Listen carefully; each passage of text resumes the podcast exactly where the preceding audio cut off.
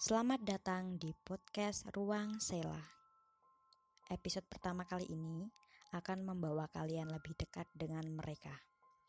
Dan percayalah, kalau kalian tidak sendirian dan kalian ditemani oleh makhluk yang tak kasat mata. Tak bisa dipungkiri kalau mereka dekat dengan kita. Tetapi jangan pernah takut dengan mereka karena sejatinya manusia lebih mulia daripada mereka. Selamat mendengarkan. Assalamualaikum warahmatullahi wabarakatuh. Selamat datang di podcast Ruang Sela. Nah, podcast pada episode kali ini bertemakan horor. Uh, saya ditemani oleh Mbak Dia, yaitu teman uh, magang saya, magang tiga Halo Mbak Dia, lama tak jumpa. Terakhir kita jumpa kapan sih?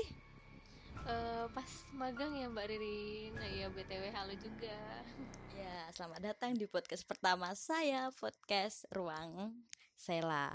Terima kasih Mbak Dia udah uh, bisa hadir meluangkan waktu.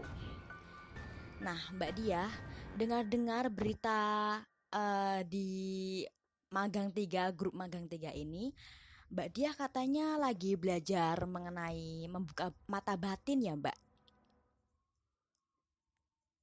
Nanti tolong di itu ya, di apa namanya, diinteraksikan gimana cerita saya ataukah saya dibukakan mata batinnya atau enggak. Gini, waktu saya turun dari gunung, Gunung Kembang, uh, saya dengan teman-teman saya. Lalu ketika melewati Sumowono, Bandungan, itu kan lagi jam setengah satu setengah satu malam. Nah setengah satu malam saya melewati uh, desa Bandungan Sumowono nah saya tiba-tiba melihat sesosok perempuan di pinggir jalan. Itu saya yang nyeterin gitu mbak. Yang saya nyetirin lalu saya melihat sosok perempuan di pinggir jalan melambai tangan.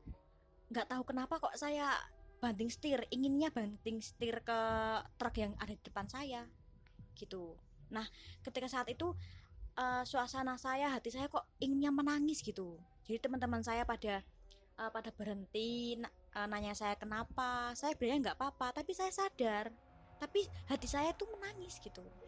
Nah teman saya yang kayak kayak Mbak Dia yang bisa melihat itu katanya saya ingin diganduli sama Mbak Kunti gitu. Gimana sih kalau gitu Mbak kalau dari cerita Mbak Ririn yang Mbak Ririn ceritakan, pandangan saya justru pada kondisi wilayah yang Mbak Ririn lewati. Jadi pada dasarnya Bandungan itu hawanya kotor, jadi tidak baik. Nah banyak orang negatifnya sana, entah perbuatan manusia yang sering melakukan hal-hal yang uh, tidak wajar di sana. Nah se jadi apa yang Mbak Ririn lihat itu ada pengaruhnya sama lingkungan, jadi sama wilayah yang ada di sana jadi mungkin saja uh, yang Mbak Riri lihat itu itu adalah korban dari kan karena kita tahu ya iya. Bandungan itu hmm. seperti apa ya, tempat hutan, seperti apa gitu ya, Serem ya terus juga banyak banyak orang yang mendirikan usaha menjadikan usaha yang tidak benar oh, iya, ya kan iya. seperti karaokean apalah hmm. seperti itu oh, jadi mungkin di situ banyak yang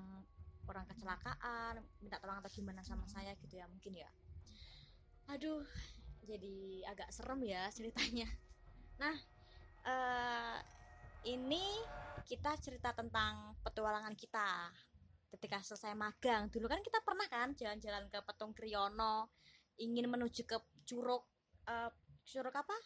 Bajing. Curug Bajing, tapi nggak kesampaian ke sana. Jadi kita ingin pulang, udah maghrib, tetapi kita langsung di perjalanan tuh maghrib maghrib. Jadi kan suasananya dari sore ke maghrib berbeda. Jadi banyak mungkin banyak malu halus yang keluar atau gimana ya mungkin ya. Gimana menurut pandangan mbak dia kalau gitu?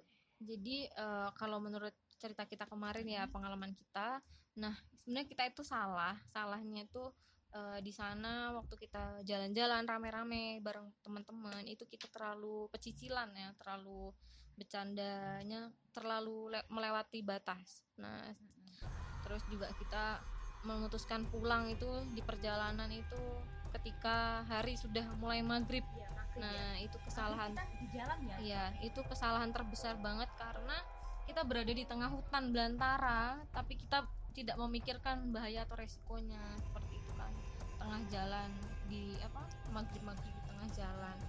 nah yang saya lihat itu yang saya lihat itu waktu kita perjalanan pulang itu kan lama sekali ya seperti nggak nyampe nyampe nah ya banyak teman-teman yang merasa kok jalannya lama banget sampainya gitu kan. Sebenarnya ya kita diputarin dilewatin di apa ya ibaratnya jalan yang kita lewati itu diperpanjang. Sama panjang sama mereka? mereka semua. Iya. Nah, saya tidak bisa menjelaskan makhluk apa yang ada di sana karena it- kita berada di tengah hutan belantara yang eh, jumlahnya itu banyak sekali. Jadi mereka itu bukan seperti kerajaan tapi seperti apa ya? Seperti kita contohnya penduduk gitu, seperti penduduk. Jadi di tengah hutan itu ramai sekali bermacam-macam energi dan bermacam-macam aura. Ada yang positif, ada yang negatif. Nah, kita dipengaruhi sama itu dan Ya, alhamdulillahnya itu di hutan yang mana mbak di hutan yang ketika kita mau ke curug itu Eh, pokoknya pas eh, kita masuk ke gerbang Petung arah Curug yang udah mulai masuk hutan oh di gerbang gapura itu Petung yang Priyono. ya gapura bambu itu. Oh, iya, iya. mulai dari situ. Terus juga di tengah jalan sepanjang perjalanan itu juga kita bercandaan mainan klakson ketawa-ketawa padahal itu kondisinya maghrib. Nah yaitu.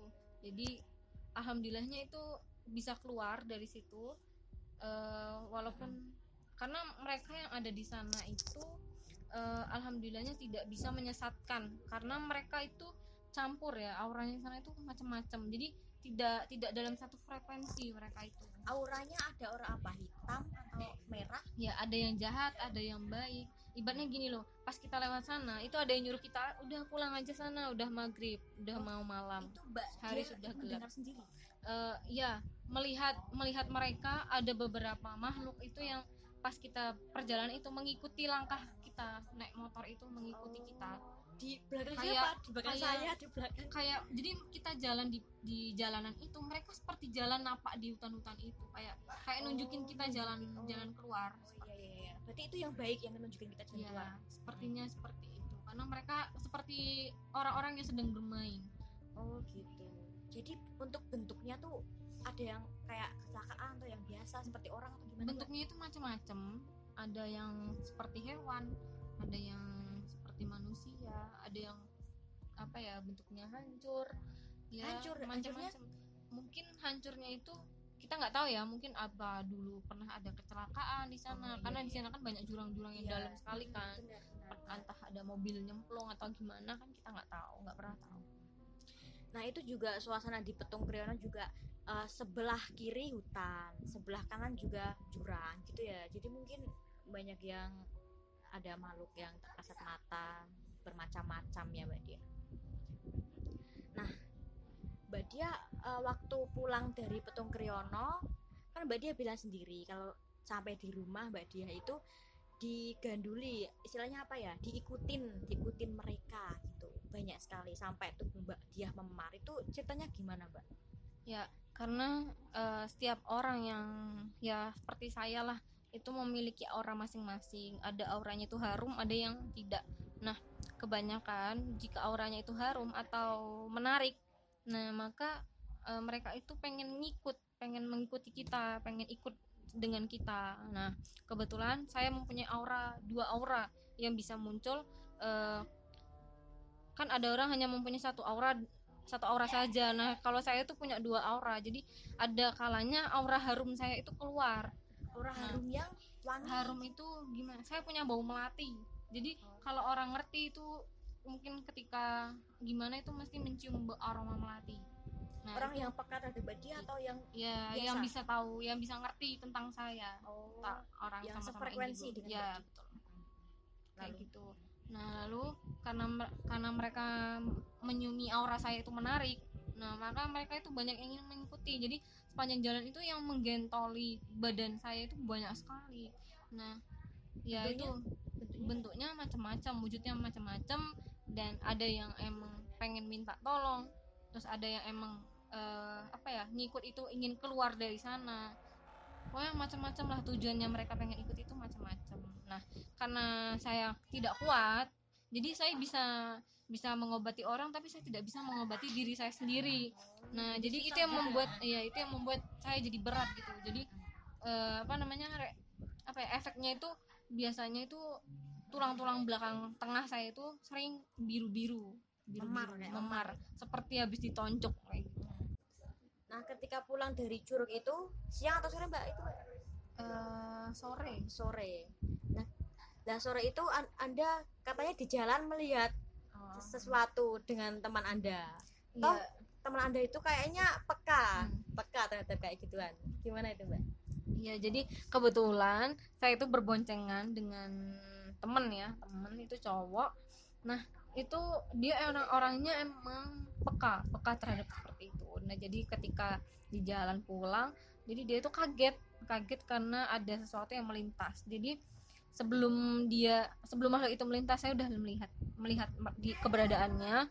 Nah, jadi temanku aku baru tahu kalau temanku itu peka terhadap yang seperti Nggak itu. kalau dia peka ya. Nah, jadi saya nggak tahu kalau dia tuh peka. Ternyata apa yang saya lihat dia juga lihat seperti iya, itu. Jadi ya dia kaget dengan nyebutin hal yang nggak harusnya disebutin. Contoh ketika dia lihat terus langsung dia bilang, nah itu seharusnya tidak dilakukan seperti itu. Kalau kita emang lihat ya udah kita cukup diam aja, Nggak perlu diucapin. nggak perlu diucapin karena kita lagi berada di lingkungan yang kita nggak tahu keamanannya seperti apa. Kalau semisal diucapin ada konsekuensinya apa enggak, Mbak?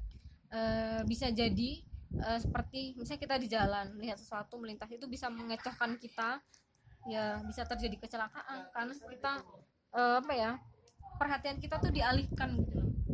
Jadi dia tuh ngerasa kalau dipanggil gitu. ya bisa jadi. Jadi kayak ganggu gitu loh. Emang sengaja kan emang kalau jin korin itu emang sukanya menyesatkan manusia.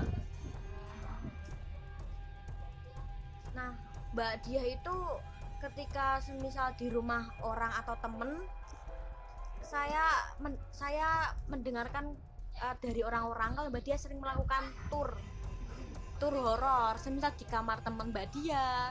Mbak Dia apa namanya observasi. Di sini ada di situ ada di kamar mandi atau di tempat apa gitu.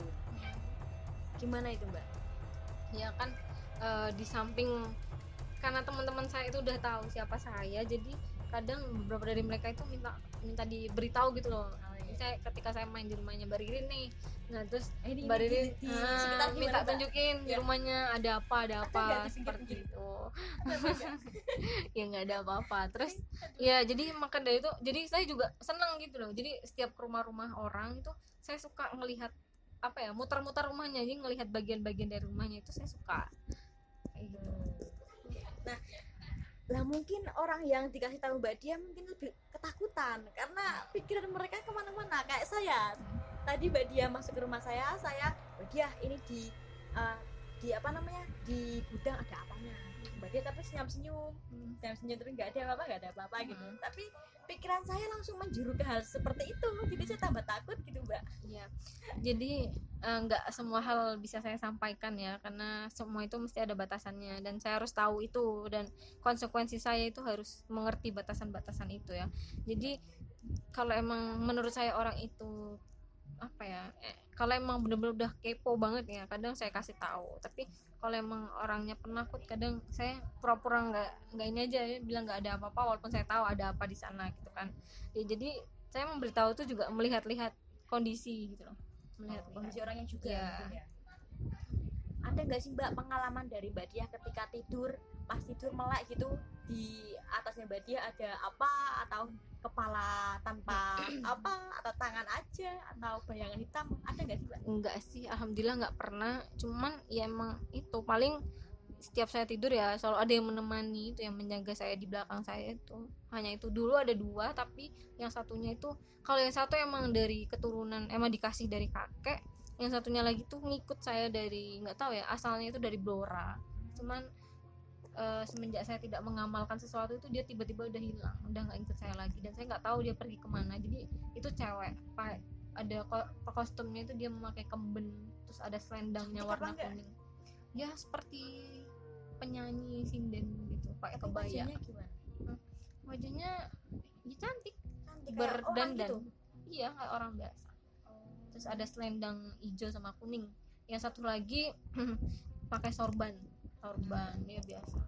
Berarti mbak Dia itu sering mengamalkan amalan agar Iya. penghibur mbak Dia itu tetap mbak Dia. Eh, bukan seperti itu. Amalan itu tuh fungsinya untuk menjaga apa ya supaya saya tuh tetap apa ya amalan itu contoh nih dulu saya bisa mengobati orang sakit gitu. Nah itu saya mengamalkan sesuatu untuk apa ya biar apa yang saya bisa itu tetap ada gitu loh. Nah tapi karena saya males mengamalkan itu lama kelamaan eh, kebisaan saya itu lama-lama tuh hilang gitu loh. Bukannya hilang sih kayak kayak nggak apa ya nggak saya asah lagi gitu loh. Ya, mulai memudar gitu kok. Iya. Jadi nggak bisa seperti dulu. Ya mungkin ini durasinya udah udah panjang ya. Ternyata udah 30 hampir 30 menit.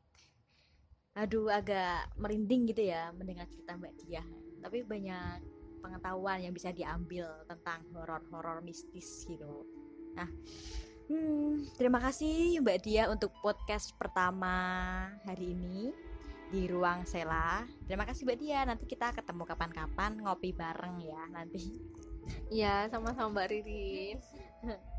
Terima kasih sudah mendengarkan podcast hari ini. Jangan lupa tunggu podcast Ruang Celah selanjutnya. Wassalamualaikum warahmatullahi wabarakatuh.